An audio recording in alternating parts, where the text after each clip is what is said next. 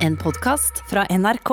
Den sendingen du skal få høre nå, tror jeg det er riktig å si er todelt. Først skal vi få noen eh, veldig konkrete eksempler og vitnesbyrd om hvordan engelsk har inngått eh, i norsk eh, dagligtale blant unge. Og det kan man selvsagt se på flere måter. Man kan både si at det er villet eh, politikk, fordi politikerne har bestemt at norske barn skal begynne å lære engelsk fra de er veldig små, og så kan man si det er veldig positivt at de har blitt så gode i engelsk, men så kan man også si at det er betenkelig fordi eh, de mister en del av det norske ordforrådet, f.eks. At det ikke er norske ord som ligger aller ytterst på tungespissen. Den andre biten handler, og det er en sammenheng, handler egentlig om det som skjer i akademia. For det er sånn at eh, etter hvert så avlegges eh, halvparten av mastergradsoppgavene på engelsk, og et stort, stort, stort 90% av eh, doktorgradsavhandlingene er på engelsk. Det er veldig mange utenlandske forskere i Norge, og dette får påvirkning også nedover. Det får en konsekvens for de som tar bachelorgrad, og det igjen får en konsekvens for oss alle. Fordi som det også blir sagt her, hvis ikke tilstrekkelig mange nordmenn setter seg inn i det som skjer i Norge på norsk, så vil vi kunne tape kunnskap om vårt eget uh, samfunn. Det er i hvert fall advarselen. Så her skal du få en språkdebatt i debatten.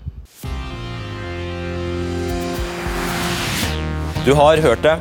Engelsken sniker seg inn overalt. Gift, sier noen av de du skal få møte i kveld naturlig utvikling, sier motparten. Men det har skjedd noe helt nytt siden sorry og shopping kom inn i det norske språket. For nå chatter kidsa på et språk, IRL, som ikke bare er fullt av engelske ord. De shamer, gilter, passer, payer, liver, snitcher og ghoster AF. Og hvis du ikke skjønte noe av det jeg sa nå, er du kanskje en boomer. Og hvis du ikke liker utviklingen, er du kanskje en Karen. Velkommen til Marta Aspeberg. Aspehaug, unnskyld. Eh, Jenny Sofie Lie Pikkel. Og vel møtt til deg, Tim Christian. Hei, hei. Hei. Og du kan være med og debattere, du også. Da klikker du deg inn på nrk.no nå. Marta Aspehaug, sånn var det. Du går i andre klasse på Faglia videregående skole i Ålesund. og først, Hvilke språk foretrekker du å bruke når du snakker med vennene dine? Nei, både engelsk og norsk. Kommer helt an på hvem jeg snakker med, og i hva sammenheng. Faller det seg like naturlig å snakke engelsk som norsk? Ja, egentlig så gjør det det. Gjør det det, altså? Ja. Ok. Mm. Uh, og jeg har også skjønt at du til og med har noen norske, helt norske venner som du bare snakker engelsk med? Ja, det stemmer. Mm. Hvordan foregår det? Kan dere sitte ansikt til ansikt og plutselig bare snakke på engelsk? Ja, vi kan ha fullt ut samtaler på engelsk face to face rett foran hverandre. Hvorfor ikke norsk? Det er et godt spørsmål. Det bare ender opp på engelsk, og da fortsetter det på engelsk. Det bare blir sånn? Ja. Når du snakker med besteforeldrene dine, da? Da er det norsk det går i. Da er det norsk, altså? Ja. Ok. Uh, Jenny Sofie Lie Pikkel, du er influenser, eller påvirker, kan vi si på norsk. Påverker på nynorsk, og du har skrevet bok om kjærlighetssorg. Hvor vanlig er det for deg å snakke engelsk med dine venner? Eh, om det er med venner, eh, så blir det et par ord her og der. Eh, vil du joine det? Backer du å dra dit? Eh, men det er spesifikt med venner, eh, så man tilpasser seg litt. Oh my god. og dette faller også veldig helt naturlig? Du bare kommer, eller? Ja, det er ikke noe man tenker over. Eh, jeg merker at man nesten sånn litt må skjerpe seg for at det ikke skal glippe ut et uh, ord. Mm. Hvorfor tror du det er sånn, da? Eh, definitivt sosiale medier. Eh, det er jo noe vi unge har fått inntrykk av altså gjennom hele oppveksten vår. Eh, og trender og altså det er jo, Alt er internasjonalt. Eh, så verden har på en måte blitt litt mindre med sosiale medier. Mm. Mm. Ok, Tim Christian, du er også påvirker. Og sminkør. Og sminkør på YouTube. Du, har, du, kaller deg på Instagram kaller du deg eh, beauty guru. Så er du som sagt du er på YouTube, og du er sminkør. Eh, hvor stor del av din hverdag er engelsken? Det pleide å være mer enn det det er nå, ettersom jeg har tatt et bevisst valg for å prøve å tone den litt ned. Tone det litt ned, ja. og akkurat i dag så blir det en god del ettersom jeg har jobbet med kosmetikk. Så jeg har sagt mange engelske ord i dag. Og Hvorfor vil du tone denne? Engelsken, altså? Jeg føler at eh, jeg virker mindre profesjonell når jeg bare plutselig startet å snakke engelsk når jeg lett kunne snakke norsk. Gi oss noen eksempler. Lat som du skal lage en YouTube-video. Si uh, Å, la meg påføre en uh, liquid lipstick. Når jeg egentlig kunne sagt La meg påføre en flytende leppestift. Så. Og så er det jo naturlig nok veldig mange utenlandske ord og begreper for det du jobber med. Em, I gamle dager heter rouge, vet jeg. Hva heter det nå? Det er det vi kaller blush. It's blush. Blush. Ok, Så rouge er helt ut. Rouge, ha det. Skjønner. Martha, du har um, uh, sendt oss en skjermdump som vi skal se her, av em, en meldingsutveksling mellom deg og en kompis. Uh, la oss se på uh, den. Hva er det som foregår her? Nei, jeg skal ha en, der skulle jeg ha en spansk test Um, om historie og litt verbøying, og jeg var ikke ekstremt fornøyd. Så det var det det var om, da. Ja. Og Poenget er jo at her går det på engelsk. Det er du som svarer i blått her. og um, eh, Kompisen din spør «When do you have the, the Spanish test?» og så retter han seg til Spanish. Du svarer «Friday». Yeah. Han svarer «Oh, it's only about bøyning av verb». og du svarer «No, it's about Spanish history and different ways to bøye et verb». like preterito indefinido and imperfecto. Og så svarer han «Oh, well, Spanish history is fun». Hvorfor blanding av norsk og engelsk her? Nei, um, det var vel av at vi ikke helt kom på hvordan vi skriver 'bøye et verb' på engelsk. Ja. Ja. Er det sånn ofte, er- Kan det engelske ordet sitte enda lenger ut på, eh, på tungespissen enn det norske? ja det, gjør, det skjer gjerne det. At eh, vi glemmer litt av engelske ordet, Og som ender sier si norsk, men også hvis vi snakker norsk, så plutselig kan det hoppe et engelsk ord inn hvis vi glemmer det norske. Ha. Hvorfor syns du dette er bra å bruke så mye engelsk? Um, fordi altså vi, vi, Det blir jo lettere å kommunisere med andre land hvis flere og flere snakker engelsk. da. Og når folk snakker såpass masse engelsk, så blir vi jo gode i engelsk. Ikke sant? Så du får nytte av det. Ja. Mm. Og det er viktig å være god i eh, engelsk, det er vi vel alle enige om. Ja, og i hvert fall ettersom at jeg jobber med mye internasjonale aktører, så går det e-post og slikt på engelsk. Vi kommuniserer på det. Mm. Vi ba deg også, Jenny, om å sende oss et, eksempel på hvordan du typisk kan kommunisere med Og det, dette eksempelet er eh, Her er det en eh, meldingsutveksling med kjæresten din. Ja. Hva er, det, hva er dette? Um, det begynte egentlig med at jeg sendte han en TikTok ehm, av en baby jeg syntes var søt som dansa. um, og så spurte han da inspo til cha-cha. Inspo er jo da inspiration. Uh, og cha-cha er jo da dans. Han har danset på Skal vi danse. Så han spurte om dette var inspirasjon til den cha-chaen han skulle danse den lørdagen. Og så skrev jeg bare altså That kid got some moves. så mm. Og det er slett ikke alle her som vet hva TikTok er. Hva er det? Ehm, jeg føler at det er en relativt ny app, men det har vært ganske lenge. Og det er hovedsakelig videoer eh, som man deler. Alt fra morsomme humorvideoer til sminke eller mer alvorlige temaer. Ja, Skjønner. Kjenner du deg igjen i dette? Absolutt. Jeg jobber også med en del internasjonale aktører, og det blir jo til at man må snakke engelsk. Og da, da er man i en liten engelsk sone, så da må man jobbe litt for å komme seg ut av den. Ja. Og du får, du får et større publikum hvis du snakker engelsk? Det er nettopp det. Jeg gjorde jo ikke det.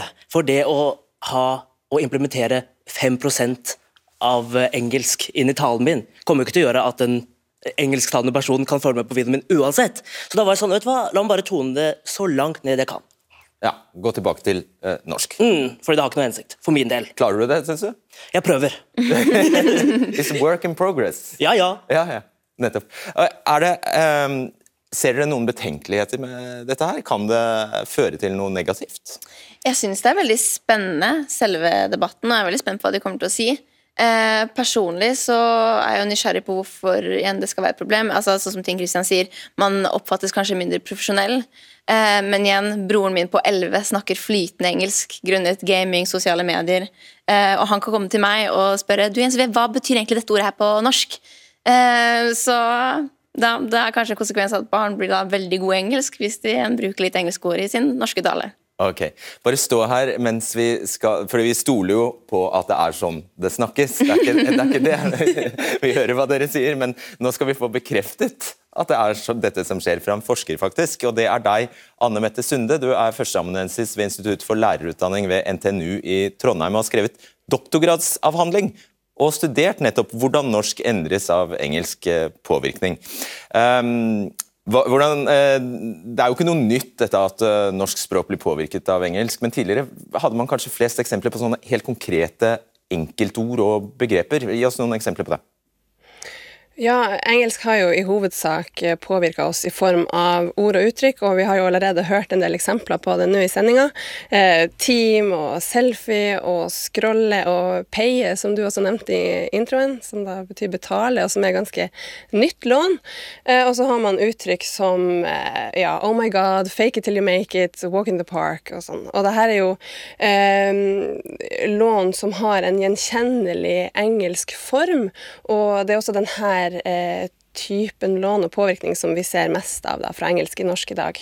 Men du, Din doktorgradsavhandling handler om en helt ny utvikling, der vi låner mer enn bare ord. Kan du gi oss noen eksempler på det? Eh, ja, blant det jeg undersøkte, var eh, lån som brukes på norske ord. Eh, og en kategori er det som kalles for oversettelseslån. Og det kan være ord som sentimentalverdi, som er oversatt fra sentimental value, og som da betyr det samme som affeksjonsverdi. Og så har vi en lang rekke med oversatte uttrykk som å være i smerter, å være i tårer, å stå ut. Eh, det er oversatt fra 'stand out' og betyr å skille seg ut. Og så har vi eh, å ta stolthet i noe og ta vare fra take care. Eh, og det her er for så vidt ikke eh, noe nytt fenomen, men det vi ser eh, i norsk, og også i de andre språkene i Europa, er at denne låntypen er i vekst. Og det antar vi skyldes at vi eh, har veldig mye kontakt med engelsk nå, og at vi rett og slett begynner å bli ganske gode i engelsk. Et annet eksempel tror jeg er uh, at man uh, Nei, nå glemte jeg det faktisk. Glem det. Uh, du har funnet ut at også grammatikken er på glid. Hvordan da? Eh, ja, Vi ser også noen tilfeller av lån som bryter med norsk eh, tradisjonell grammatikk. For F.eks. så ser vi mer og mer formuleringer av typen 'hva å gjøre i Paris', eller 'hvem å gifte seg med'. Altså at du har et spørreord, og så har du et verb i infinitiv etterpå. Og som tradisjonelt på norsk så ville vi kanskje heller sagt 'hva kan jeg', eller 'hva skal jeg gjøre i Paris'. Så denne typen lån, det viser jo at språket ikke påvirkes bare i ordtilfanget, men eh, på flere nivåer. Nettopp. Og så har du spesielt sett på gamere, altså de som driver med dataspill. Det er sikkert et helt avleggsord, regner jeg med, men det ble nevnt her. Men eh, hvorfor gjorde du det?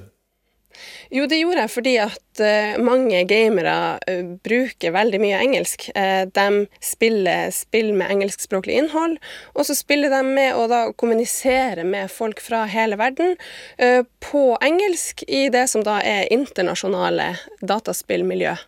Um, og da blir man veldig god i engelsk, og derfor hadde jeg lyst til å undersøke språket deres. Men jeg har jo også undersøkt andre, for det er jo sånn, som vi også hører fra de her ungdommene du har med, at uh, uh, unge, og også barn, har sånn generelt mulighet til å eh, velge seg engelskspråklige fritidsaktiviteter. Og da møter de eh, å bruke ganske mye engelsk tidlig i livet, og lære språket eh, eh før de også begynner på skolen. Eh, I hvert fall starter å lære språket, da. Eh, og det antar vi at kommer til å sette spor i norsk. Nettopp. Du, jeg sier tusen Akkurat. Tusen takk skal du ha, Anne Mette Sunde. Og så sier jeg også uh, tusen takk til Gjøre en forskjell, var det jeg skulle si det. Det er jeg sikker på kommer fra engelsk. Gjøre en forskjell. Ok, uh, Martha, Jenny og Tim Christian, tusen takk skal dere ha. Takk, takk. Ja, Vi er jo under fem millioner morsmålsbrukere av dette lille, enestående nordgermanske språket norsk. Samtidig bombarderes vi altså av, og som vi ser, vi kopierer et verdensspråk som engelsk. Velkommen forfatter Erik Fossnes Hansen, og tidligere statssekretær for Venstre Rebekka Borch. Du er også eh, medlem i Det norske akademi for språk og litteratur, og gir ut, eh, de gir ut no, eh, altså ordboka Naub. Ja, den som alle bruker. Ja, som veldig mange bruker. Så du er jo naturlig nok, både som forfatter, men også som medlem her, da, veldig opptatt av språk. Hva mener du du ser skjer med norsk nå? Ja, altså De som bor i Oslo, kan jo prøve å ta seg en tur og spasere f.eks. Hegdehaugsveien, Bogstadveien oppover en stor handlegate i Oslo, for dem som ikke vet det. og Da vil man se at nå er det knapt et skilt på norsk igjen. Eh, man legger ikke merke til det før man legger merke til det, men neste gang du går der, så kan du begynne å se etter det. Du kan gå på restaurant, dette har sikkert mange også opplevd, kanskje særlig de store byene. Og du får, du får kanskje en servitør som er fra utlandet. Eh, det er ikke så rart. Kanskje han eller hun er fra Estland. Men du får også en meny som bare er på engelsk. Og da kan jo f.eks. følgende skje at den norsktalende gjesten sier til kelneren ikke sant, Unnskyld, men What is hake? Og så sier kelneren mm, Well, you know mm, It's a fish. Yes, I, I see it's under fish, but what kind of fish is this? Well, it's hake. It's a white fish. Very good. Og så står disse to menneskene der og prøver å kommunisere via et tredjespråk om en fisk ingen av dem vet hva heter på deres egne språk. Og Det er det vi kaller for et domenetap. Altså når eh, vanlige norske ord blir byttet ut gradvis med ord fra et annet språk, så taper man eh, bruken av de ordene, og da taper man territoriet, da, eller domenet. Så vi taper, det er det du mener? Ja, altså norsk taper fordi norsk blir fattigere. Eh, og det eh, er naturligvis både på kort og lang sikt et problem, fordi hvis det er noe som konstituerer en nasjon, så er det jo nettopp språket. Man kan ikke snakke om at det finnes en nasjon eller en kultur uten at den har et språk. Så det er et alvor i dette her også? Ja, altså Språket er alltid, i forandring. Men det er klart at når selve strukturen i språket blir så endret, og det, disse domenetapene også da sprer seg. det er ikke, En ting er menyer, men en annen ting er at det er jo også i akademia og andre steder. Eh, da står vi i hvert fall potensielt overfor et problem. Ikke sant. Rebekka Barsch, du ble norsk statsborger i 2011. Du er opprinnelig tysk. Og så er det som jeg sa, Du er tidligere statssekretær for Venstre i Kunnskapsdepartementet. Nå er du avdelingsleder for eh, kompetanse og innovasjon i NHO. Men jeg tror vi sier at du er her fordi du, fordi du er du. Du er ikke her i form av eh, Du er ikke her på jobb i, i kveld. Eh, du kan jo se oss litt utenfra da, som norsk-tysk. Mm, mm. Er det bra eller dårlig at nordmenn bruker så mye engelsk? Altså jeg mener at det først og fremst er bra, og at det er en, en sideeffekt av at Norge med stor suksess deltar i det globaliserte samfunnet. Altså, eh, at Tyskland f.eks. Eh, dubber mye mer, og der lærer barn senere engelsk på det nivået som vi diskuterte her. og Det er jo kanskje både bra og litt eh, har noen utfordringer, men jeg vil si under streken er det positivt, og som sagt noe som vi ofte ønsker. da. Altså, Norske bedrifter deltar jo stort internasjonalt. Sju av ti norske bedrifter samhandler også på engelsk, fordi vi samhandler med hele verden. Og så har vi disse forskerne som dere skal diskutere mer med etterpå. De gjør jo dette fordi veldig mye av det som forskes på i Norge, gjøres sammen med andre i andre land. Og Da blir det sånn at det blir mye engelsk. Så har jo Språket er dynamisk, det er organisk, det har alltid vært under eh, påvirkning fra andre språk. Altså Tysk for eksempel, har påvirket norsk, fransk har påvirket tysk og svensk. og Sånn er det. Latin har påvirket absolutt alle språkene eh, i den vestlige verden. Så, sånn er det. Og det er jo på, i stor grad også ønsket, så jeg ser det først og fremst som positivt. Sånn er det? Ja, jeg tenker at sånn er det. Men det er jo ikke nødvendigvis sånn at vi skal kritikkløst eller uten å reflektere over det, bare akseptere at sånn er det. Mm og bare legge oss bak ved siden av. bare gir vi opp det norske språk. Hva kunne man ha gjort, da? Nei, altså I Frankrike for eksempel, så har man jo en språklov som pålegger at de som henvender seg til offentligheten i Frankrike, først og fremst skal gjøre det på fransk. Okay. Eh, og Det er en rekke andre bestemmelser også, men det er hovedinnholdet i det. Og Det er naturligvis for at engelsk ikke skal få forrang for eh, landets eget språk. Og så vil jeg jo mene det også at eh, tysk, og jeg har jo bodd i Tyskland lenge og kjenner tysk og Tyskland veldig godt, men det er, et, det er, et, mye større språkområde. Det er et sterkt språkområde som ikke på noen måte er truet. Over 100 millioner mennesker snakker tysk. Vi er litt over 5 millioner. slik at det er, er jo en særlig bevaringsverdi. da. Altså Man kan si at, for å bruke tysk ord das, altså Stellenwert des Norwegian, den norske stillingen, er på en måte helt annerledes. Jeg er enig i det. Og jeg må jo også si, jeg syns nordmenn er mye flinkere med å ta vare på språket sitt enn tyskere flest. Eh, og La meg ta det eksempelet med dialektene. da. Uh, og jeg mener at uh, Dialektene i Norge står veldig høyt, og folk er stolte av de, De dyrker og bruker det, uansett hvor i landet de flytter. Uh, og Som en innvandrer kan man ofte synes det er kanskje litt ekstra besværlig, men sånn er det, og det er bra. I Tyskland har mange av de mindre dialektene gått tapt de siste 50-60 årene. Faren min lærte dialekt som barn. Jeg kan ikke det i det hele tatt. Og det, det, er et eksempel på hvordan tyskere kanskje ikke er like språkbevisste. Så jeg tror Norge har egentlig et godt utgangspunkt for å ta vare på norsken sin oppi alt den engelsken som strømmer inn. Man, um, det er jo riktig at altså, jeg, meg, jeg, har lest meg til at mellom 30 og 40% av det norske ordforrådet i dag stammer fra nedertysk. Ja, ja. Det skjedde i, i sen middelalder. Men det var ikke en periode vi var veldig fornøyd med sånn historisk sett. Ansatt-tiden, hvor på en måte Norge ja. lå med brukket rygg og bare ble utbyttet av tyskere og dansker og nederlendere. Det så, så det, har, det har jo også noe å gjøre med en kulturell selvrespekt. Altså Da Norge fikk egne akademiske institusjoner, på begynnelsen av 1800-tallet, så handlet det jo bl.a. om det. At norsk skulle bli et akademisk språk, det skulle bli et kulturspråk. Det skulle bli et språk som var fullt anvendelig på alle områder, og ikke bare et språk for bønder og fiskere og lokale innfødte. Når vi snakker om fisk, så må jeg kanskje også for øvrig legge til at heik det er vitting på norsk. Ja, bare hvis dere lurte. Ja.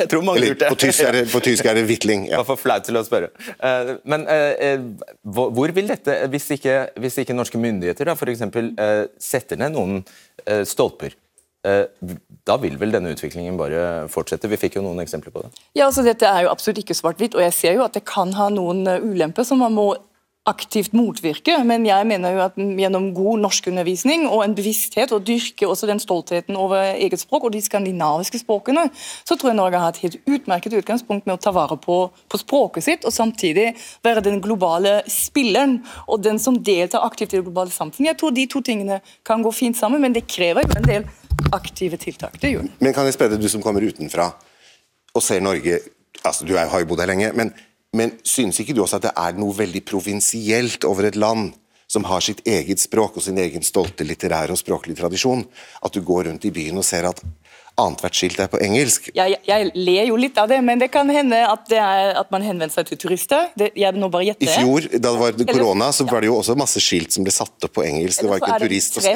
La oss håpe på at det er en trend, som jo også er et engelsk ord, som går over. Mange trender går jo litt over eller i bølger, så vi får se. Men jeg er enig med deg, vi trenger ikke å ha bare engelske menyer i Oslo sentrum. Du skal få peke inn i neste bolk for, for oss, for jeg vet du også mener eh, sterkt om språkføringen i akademia.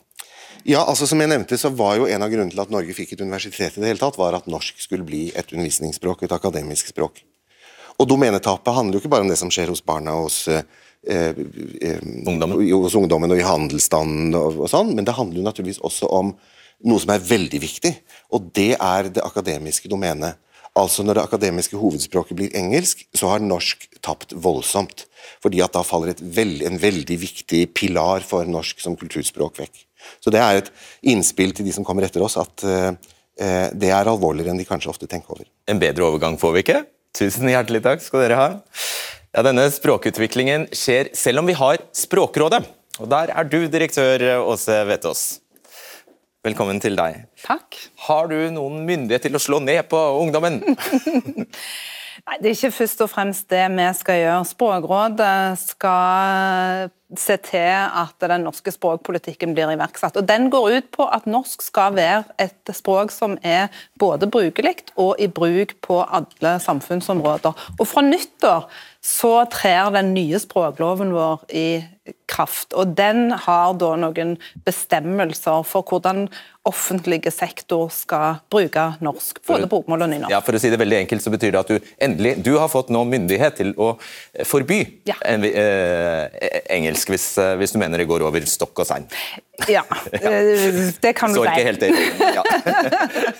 Eh, hva syns du om den språkbruken du hørte her blant ungdommen? Hva syns Språkrådet om det? Ja, Vi syns jo først og fremst at det er et symptom på nokså store statusforskjeller mellom norsk og engelsk. Og Vi mener jo at det handler om hva slags tilbud vi gir til ungene våre. Det vi vet, det er at unger helt ned i to-treårsalderen de befinner seg mye på, på, nett når de skal underholde seg. Der er de på YouTube f.eks., ser artige ting. Veldig mye innhold på engelsk. Ikke noe problem med at ungene våre lærer engelsk, men det er så forsvinnende lite norsk innhold på de plattformene og i de kulturtilbudene som ungdommene og ungene våre har. Og Vi trenger at norsk òg er til stede der ungene faktisk er. Vi kan ikke bare si til de leser ei bok isteden. Nettopp. Eh, vi skal se på noen eksempler på uh, forsøk på å avbøte bøte på problemet. Dette, disse ordene her stammer fra en liste som kalles med avløserord. Dere får inn, Språkrådet får inn forslag til alternative norske begreper på engelske ord, og så setter dere sammen til den lista her. Vi ser pulled pork kan bli til plukksvin, shabby chic kan bli til lurvelekkert. Situps, bukbøyninger. Happy hour, billigtime. Hat trick, trillingmål. Hit and run, røm og, eh, ram og røm. Peptalk talk kan bli til piffprat. Tights kan bli til trangbukse. Halloween, gresskarkvelden. Bucketlist, kisteliste. Fatbike, tjukkel. Og name-dropping, navneskvetting. Er det noen av disse her som har fått fotfeste? Nei, det vet jeg ikke. Og det, la meg si det, det er ikke dette Språkrådet jobber med. Dette er en liste med forslag til avleserord som fagmiljøer eller enkeltpersoner har uh, kommet med. Hva var? Ja, altså, Vi ler jo av en del av de, og det er fordi at eh, det kanskje virker annerledes å tenke på at uh, pulled pork uh, kan uh, ha et, et norsk Altså finnes på norsk. Men det fins jo òg avløserord som har vært kjempesuksessfulle, f.eks. nettbrett. Jeg tror det er veldig få i Norge som foretrekker å si tablet. Ja, sånn har det blitt. Sånn har det blitt. Nettavisen Krono har godt gått, eh, funnet at 70 eh, forskningssentre som er finansiert av Forskningsrådet, har norske navn, men de brukes nesten ikke de norske navnene. De har altså engelske navn, og 15 av dem hadde bare eller har, Bare 15 av dem har norske nettsider, faktisk. De kan kalle seg ting som Oslo Science City, Ocean Space Center, The Science. Hva syns dere om det? Det eh, syns vi ikke noe om. For det er sånn at disse institusjonene det er norske statsorganer som lever av vår tillit som innbyggere, altså innbyggerne i Norge sin tillit. Og den norske staten skal være transparente, og vi skal kunne kikke eh, offentlige virksomheter i kortene. Og når de da velger eh, engelskspråklige navn av denne typen, så gjør de to feil. For det første så unnlater de å bruke de eh, norske navnene som de har pålegg om. Og for det andre så påvirker dette statusen til norsk. De trenger ikke ha disse engelske navnene, men når de velger å ha de allikevel, så gir de oss språkbrukere eh, et signal om at engelsk er litt tøffere. Ja. Mm. Da kan du, så, takk så langt, og at du kan ta plass eh, ved siden av Cecilie Hellestveit her. Eh, for eh, det er jo ikke bare ved navn på bygningene på universitetene. Det er jo ikke bare der de liker å unngå norsk, de liker også å undervise og la studentene skrive på engelsk. Halvparten av halvparten faktisk av mastergradsoppgavene skrives nå på engelsk, og 90% av forskning fra norske utdanningsinstitusjoner blir skrevet på engelsk. Og her skal jeg, eh, nå skal jeg vise et eksempel fra en eksamensoppgave på eh, bachelornivå i organisasjonsteori ved Norges handelshøyskole, NHH. Og jeg skal understreke at eh, eller Det understrekes fra forskerhold at dette er snakk om flinke studenter. altså. Og Hensikten er ikke å henge ut noen her, for all del, men å vise hvordan norsk på universitetsnivå eh, blir stadig, stadig vekk må vike for engelsk. Heng med nå. Ved design av organisasjonens struktur møter en ulike challenges på veien med hensyn til vertikal og horisontal differentiation, differentiation og integration, centralization og decentralization, samt standardization og mutual adjustment. Hvordan disse fire challenges løses, resulterer i strukturen til organisasjonen. Det er her viktig å presisere at ingen organisasjoner er pure mechanistic eller organic. Greit. Da, eh, vet du hva, siden, eh, hva, eh, da tar vi en runde om hva dere syns om eh, dette. Velkommen til deg, eh, Ola Borten Moe. Du er forsknings- og høyere utdanningsminister. Ta det først. Det understreker vel en av de viktige eh, poengene som vi tar fram i Hurdalsplattformen. og Det er å slå ring om, utvikle og øke bruken av norsk som akademisk språk. Om akademisk språk så mener jeg at både et språk som er eh, levende og i bruk, men også et språk som utvikler seg på det viset at man til stadighet utvikler nye, fa altså nye, nye faguttrykk eller terminologi, eh, sånn at eh, det blir relevant. For Hvis vi slutter med det, ikke bruker det nok, eh, så vil jo språket etter hvert bli mer og mer eh, utdatert. og Da har man jo egentlig eh, tapt kampen før man kanskje vet ordet av det. Så Derfor er bevissthet rundt dette her, etter mitt skjønn veldig veldig viktig. Ok. Eh, Aksel Mjøs, førsteamanuensis i finans ved Norges handelshøyskole. Hvorfor må forskning skje på engelsk, eller på engelsk-norsk, da, som vi så her? Det, først, dette er bare dårlig språk, så det skal du ha en kort og grei kommentar på. Nei, altså Vi forsker ikke for gøy. Altså Vi forsker for å eh, finne ny, kvalitetssikra, viktig innsikt.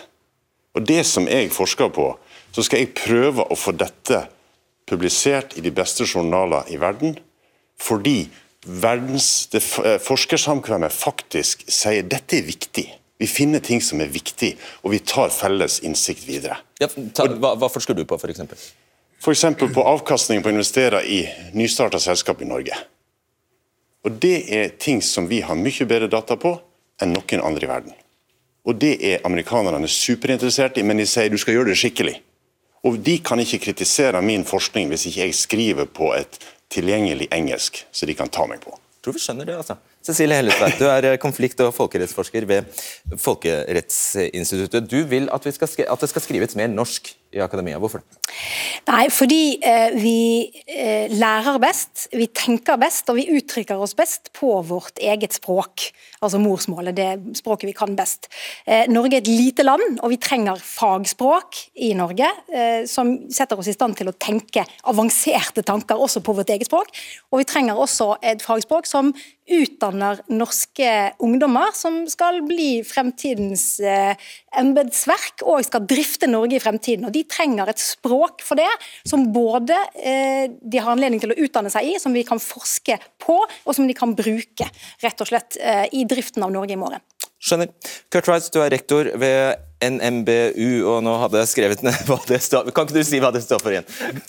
Norges miljø- og biovitenskapelige universitet. Jeg skjønner at dere forkorter det. Hvorfor skrives nå nær sagt alt på engelsk? Fra masternivå opp?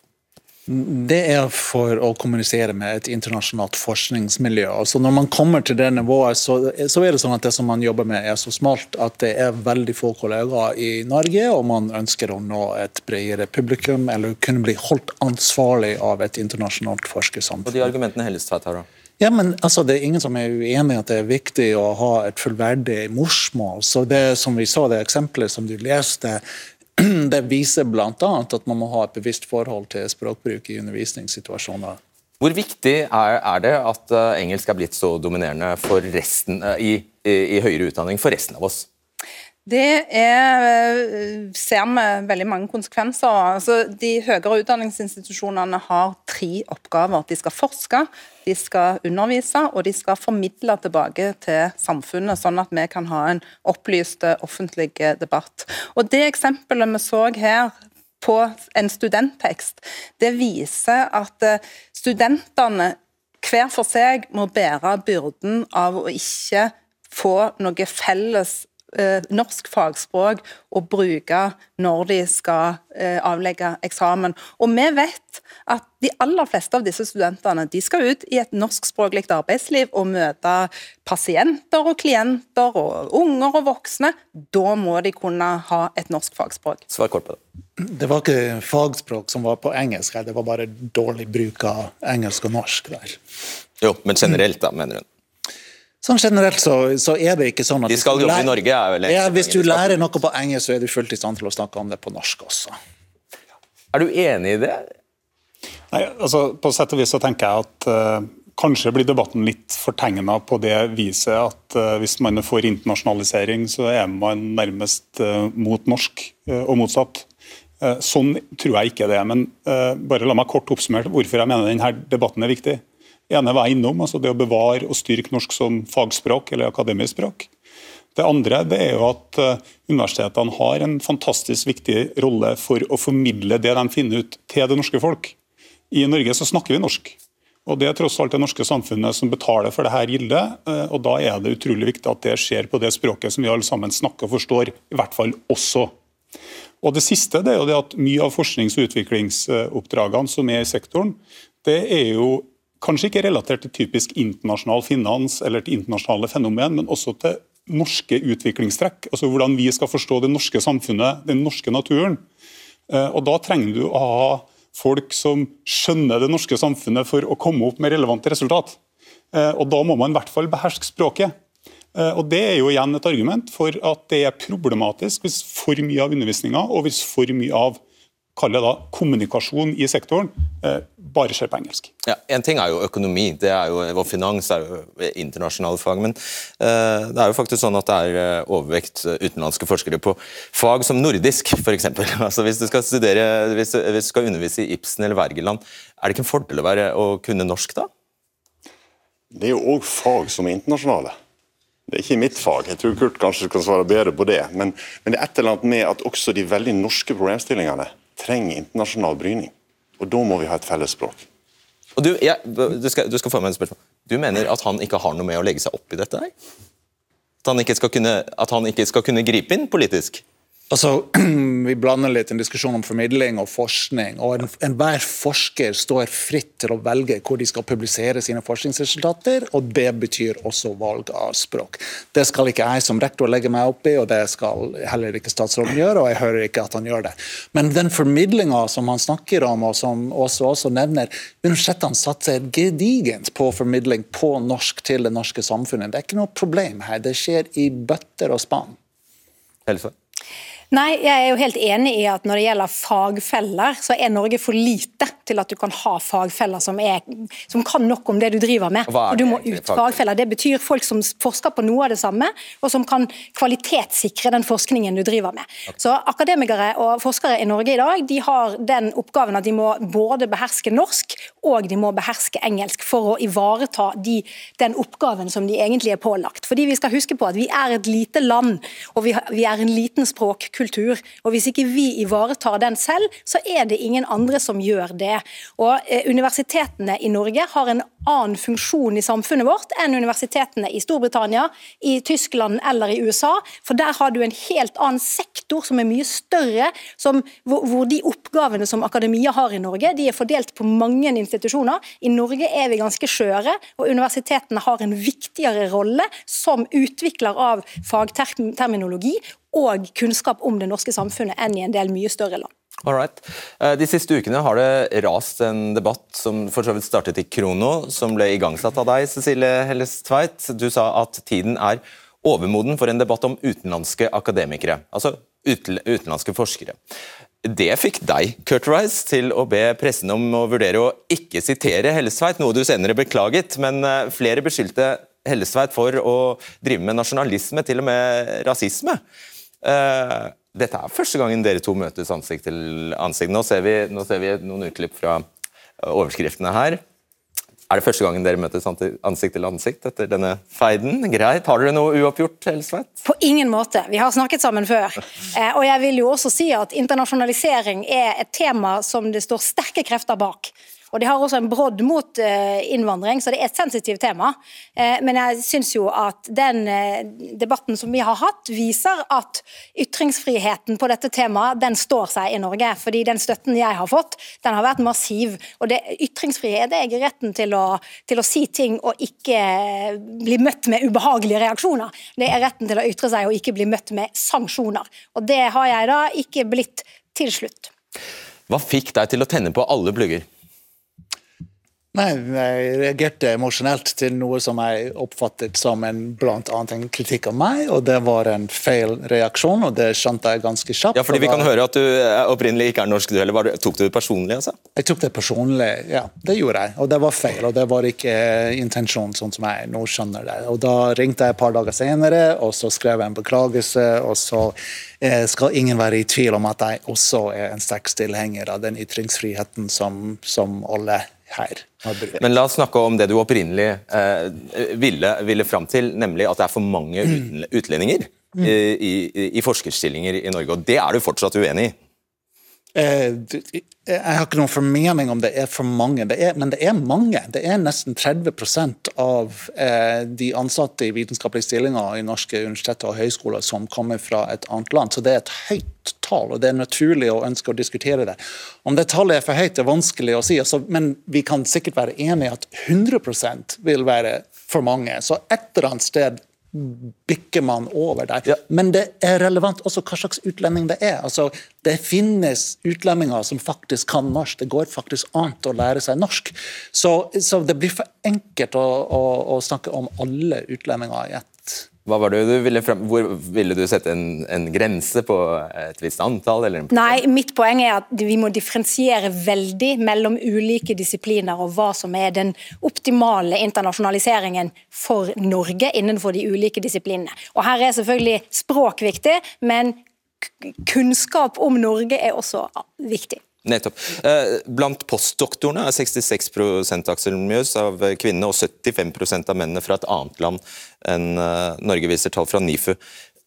Er det en riktig brøk? Er det en riktig mengde, syns du? Jeg tror ikke vi skal sette noe fast prosent her. Det som jeg tenker, Vi skal rekruttere så godt som vi kan, samme hva land de kommer ifra. For Vi er på et oppdrag fra skattebetalerne til å utvikle god innsikt, til å formidle godt og til å undervise godt. Og Det viktige med den undervisningen det er til å gjøre folk gode i møte også med en internasjonal hverdag.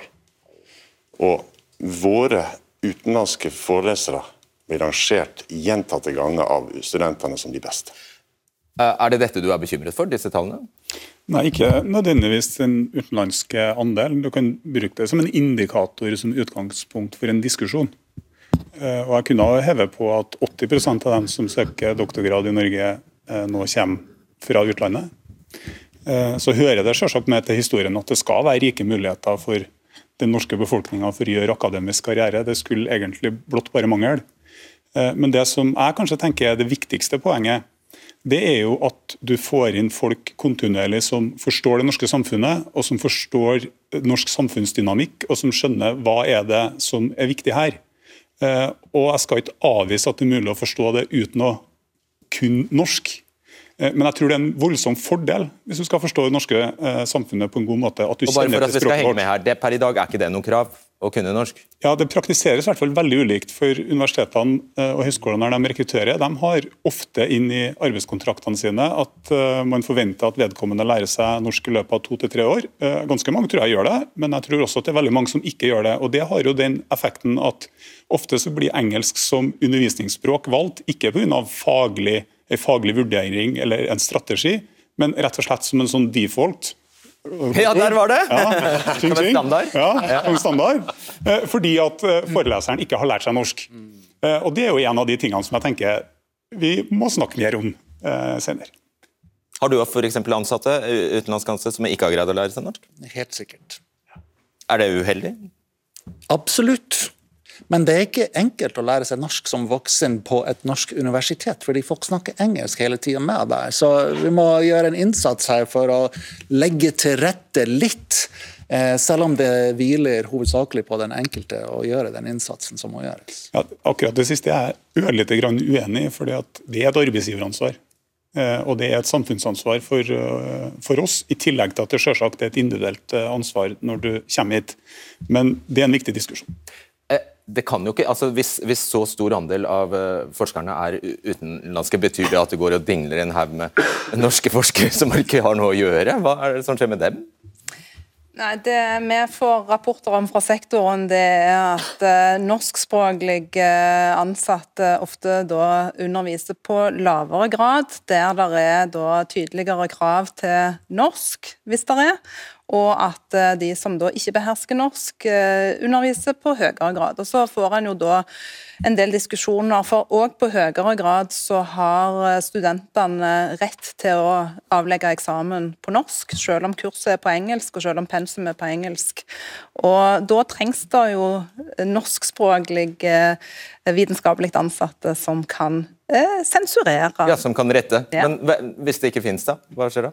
Nei, Det er jo som statsråden sier, et, et, arbeidsgiveransvar og et institusjonsansvar. og Det kan jo ikke med rimelighet legges på den enkelte arbeidstakeren. Så Er du enig i den beskrivelsen? At, at det at det er topp, tungt med utlendinger i toppen, også faktisk får en konsekvens på bachelornivå? Ja. Det, det, en uheldig konsekvens, da? Ja, kanskje, men jeg, jeg, jeg tenker bildet er mer mangfoldig her. Det som jeg rakte opp hånda for, det er at vi trenger et internasjonalt samkvem blant forskere og i undervisningen. Vi har masse utenlandske studenter inn på NHH, som beriker våre studentmiljø. Og Vi skal være attraktive for dem òg, for de skal være med og altså de skal rett og slett være del av et samkvem der òg. Sånn at dette at alt skal være norsk, det holder ikke. Er det ikke et norsk universitet for norske studenter primært? Jo, men det er også for å gjøre studentene til del av et globalt samkvem. De skal primært jobbe i Norge?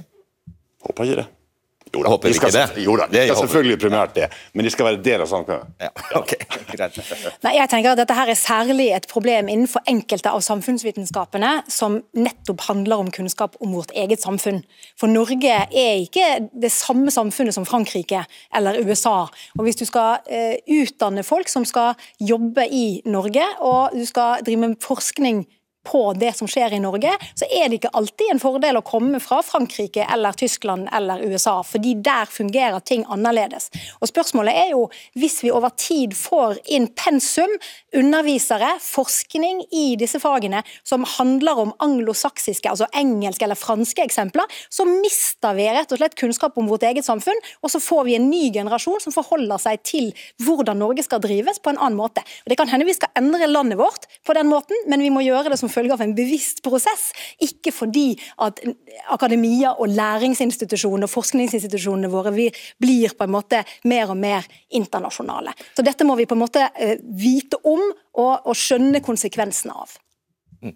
Hva, eh, det står jo, Dere har til og med nedfelt det i eh, regjeringserklæringen at dere vil sørge for å løfte fram norsk språk i forskning og høyere utdanning som om det var gjort på et blunk. Det er det jo det generelle at det ikke er. Hva, skal, hva, hva kan du som politiker og som statsråd i det hele tatt gjøre?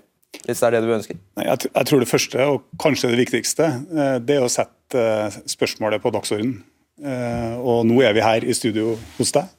Så det har man jo klart. Eller vi har klart helt innledningsvis. Det tror jeg er kjempeviktig i seg sjøl. At vi får en offentlig samtale, en offentlig bevissthet rundt det. Og at vi ikke, som Hellestveit sier, bare sige inn i en slags tilstand uten at det i hvert fall er et bevisst valg. Så er det sånn at Men du må jo ha en formening om hvor du vil ende? Hva jo, jo. resultatet skal bli? Jo. Så er det sånn at Som statsråd og som regjering så har jo jeg en eh, rolle gitt av Stortinget overfor sektoren. Eh, Stortinget har nedfelt både i språklov og i lov om eh, universiteter og høyskoler at sektoren har et spesielt ansvar for å følge opp norsk, også som fagspråk. Det kommer jeg selvsagt til å etterspørre hos mine institusjoner. Så finnes det regler Eh, som man kan ta tak i. Eh, F.eks. på master- og doktorgradsnivå. At man sørger for at hvis de blir skrevet på engelsk, så skal det være et fyldig sammendrag på norsk med norske faguttrykk. Og Endelig så tror jeg vi trenger en diskusjon rundt eh, eh norskopplæring eh, av dem som kommer hit som undervisningspersonell, altså vitenskapelig ansatte. Sånn at man i hvert fall sørger for at interaksjonen mellom det norske samfunnet og universitetene blir så, så tett som overhodet mulig. Det er, det er, planen her og nå. Ja, den, uh, hørtes, den hørtes grei ut. Antagelig ganske langdryge prosesser, dette her kommer til å ta, hvis, hvis det i det hele tatt er mulig, kommer til å ta ganske lang tid for å, for å snu en sånn uh, skute?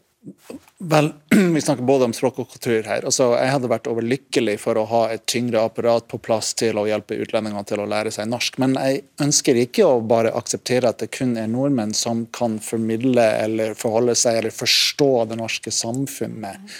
Um, jeg syns ikke min forståelse av det norske samfunnet er så fryktelig dårlig, og hadde vært komfortabel med å, med å stå i en sånn stilling. Men, eh, men jeg er bekymret for at debatten kan få det kan gi det inntrykket. Ja, for Poenget ditt er at man kan bli ekspert på Norge uten å være fra Norge? På samme måte som man kan bli Midtøsten-ekspert uten å være fra Midtøsten. Ja, altså ekspert og ekspert, men i hvert fall liksom forstå det norske samfunnet og investere i det norske samfunnet. Altså De utlendingene som kommer til høyere utdanning her, de kommer veldig ofte nettopp fordi de ønsker å investere i det norske samfunnet på en helt spesifikk måte. Du får avslutte for oss. Jeg tenker at eh, Akademia i Norge har en spesiell posisjon, fordi vi skal utdanne folk som skal jobbe her, og man skal hjelpe eh, embetsverket til å fungere bra, men man skal også være en motpol. Det er akademia som gjerne gir argumenter til pressen og til sivilsamfunn og til domstolen og til Stortinget når de skal på en måte holde regjering og embetsverk til ansvar. Og Det gjør at man må være i og virke i det norske samfunnet når man sitter i vitenskapelige posisjoner hvor man forvalter kunnskapspyramiden i Norge. Og Det er veldig viktig at akademia er tett på det norske samfunnet, ellers så endrer vi oss over tid. Da avrunder vi der. That's it. Finito finale. Arrivederci. Hasta la vista. På gjensyn torsdag. Nei, ti, ja, tirsdag. Tirsdag blir det. Sånn. Vi er jo veldig høflige da med å si det at eh, på papiret så var det en mye fyrigere debatt i spaltene mellom eh, spesielt Cecilie Hellestveit og Kurt Rice, men jeg skjønner jo det at når de kommer i studio, så eh, blir det annerledes. Men likevel, frontene var jo der, og, og uenigheten er, er der. Så jeg håper du likte denne utgaven av debatten. Og så minner jeg om at jeg pleier å annonsere temaet på sosiale medier, eh, på i hvert fall Instagram, i god tid før eh, sendestart. Så det er en Hvis du er nysgjerrig på hva vi eh, har på plakaten, og lurer på om du skal sette av tid til å se debatten, så er det der du finner den informasjonen. Ellers kan du alltid skrive til oss på adressen debatten krøllalfa.nrk.no. Ok, vi høres. Ha det bra. Du har hørt en podkast fra NRK. Hør flere podkaster og din NRK-kanal i appen NRK Radio.